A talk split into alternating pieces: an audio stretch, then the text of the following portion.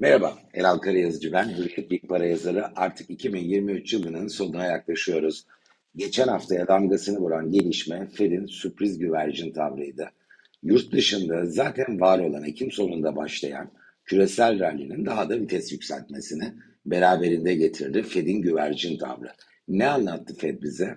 2024 yılında faiz indirimlerinin gerçekleşeceğini, ve e, enflasyon konusunda işlerin yolunda gittiğini, Amerikan ekonomisi bir durgunluk yaşamasa da yavaşlayan büyümenin enflasyonu düşürmek konusunda yeterli olacağı benzediğini anlattı. Tabii ki bu cümleleri kurmadı ama piyasanın yaptığı çıkarım bu ve hal öyle olunca tahvil faizlerinde hızlanan geri çekilmeler gördük. O cephe maestro küresel piyasalarda ve genele yayılan özellikle hisse piyasalarının kuvvetli ataklar yaptığı bir kesitle karşılaştık. Biz katıldı Borsa İstanbul gecikerek de olsa Cuma günü %2.3 gün özelinde bir artış oldu. Her ne kadar Aralık ayının bütününde yüzde yarım olsa da Borsa İstanbul'un yükselişi artık gördüğüm kadarıyla rismik olarak Borsa İstanbul'da dış trendin içine dahil olmaya aday görünüyor. Bunda iki faktör etkili. Biri yabancı yatırımcıların alışları e, gördüğüm kadarıyla devam ediyor. Çünkü resmi verileri iki gün gecikmeli öğreniyoruz.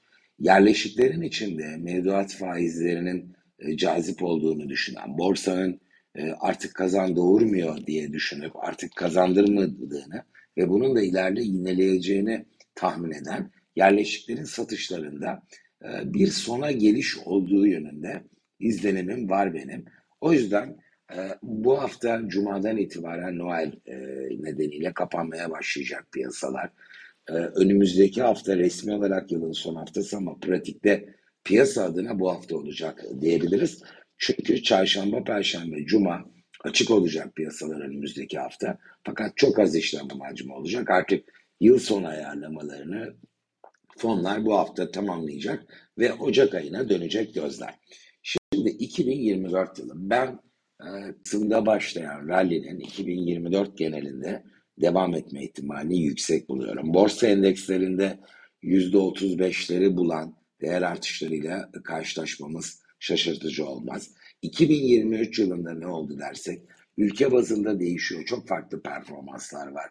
Polonya %46 değer kazandı dolar bazında ama Tayland, Hong Kong %17 değer kaybettiler.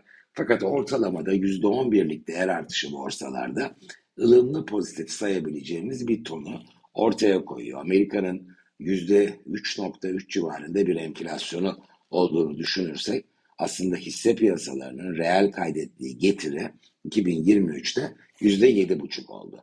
BIST %5.4 eksidi ama bunu çok normal karşılamak lazım. Çünkü bir önceki yıl 2022'de dolar bazında %100'lük bir artışa imza atmıştı.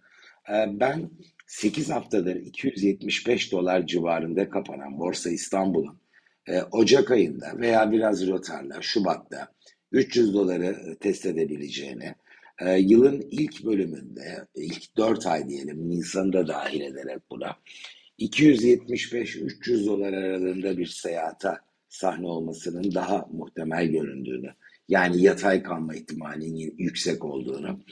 E, fakat e, yaz aylarından itibaren, hatta belki Mayıs'tan itibaren dış iklime dahil olup e, BIST'in özellikle de yılın ikinci yarısına pozitif bir performansla geçirip 400 dolara rotayı yıl sonu itibariyle veya 2025 ilk çeyrek çevirebileceğini düşünüyorum. Ee, altın ve gümüş dinlenerek yukarıya gidiyorlar. Aslında bu ay gümüş ekside çünkü Kasım'da çok sert yukarıya gitmişti. Altın daha ılımlı hareketler içinde. Yüzde yarım aşağıda Aralık ayı üzerinde.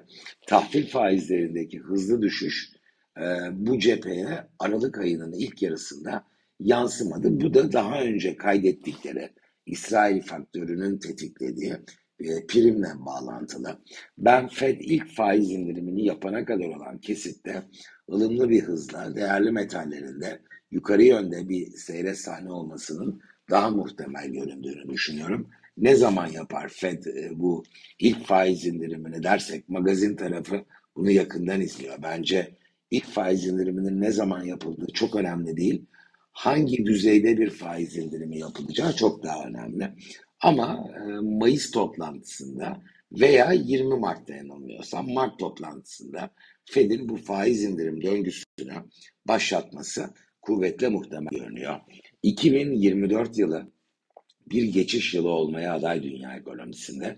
Bu da yaşanan durgunluktan e, aslında dünya ekonomisinin yılın ikinci yarısında en geç son çeyreğinden itibaren filizlenecek şekilde bir büyüme evresine e, yönelme yılı olacak gibi görünüyor. 2024 e, dünya ekonomisinde bir büyümeye kuvvetle muhtemel sahne olmayacak dikkate değer bir büyüme.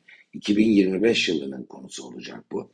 Ama finansal piyasalar her şeyi ortalama 6-9 ay önceden fiyatlar geleneğin, geleneğinden hareketle 2024'ün ikinci yarısında filizlenecek o büyümenin de aslında iki aydır e, bir rally ile taçlandırıldığını ve bunun da yıl genelinde 2024'te sürmesinin muhtemel olduğunu düşünüyorum.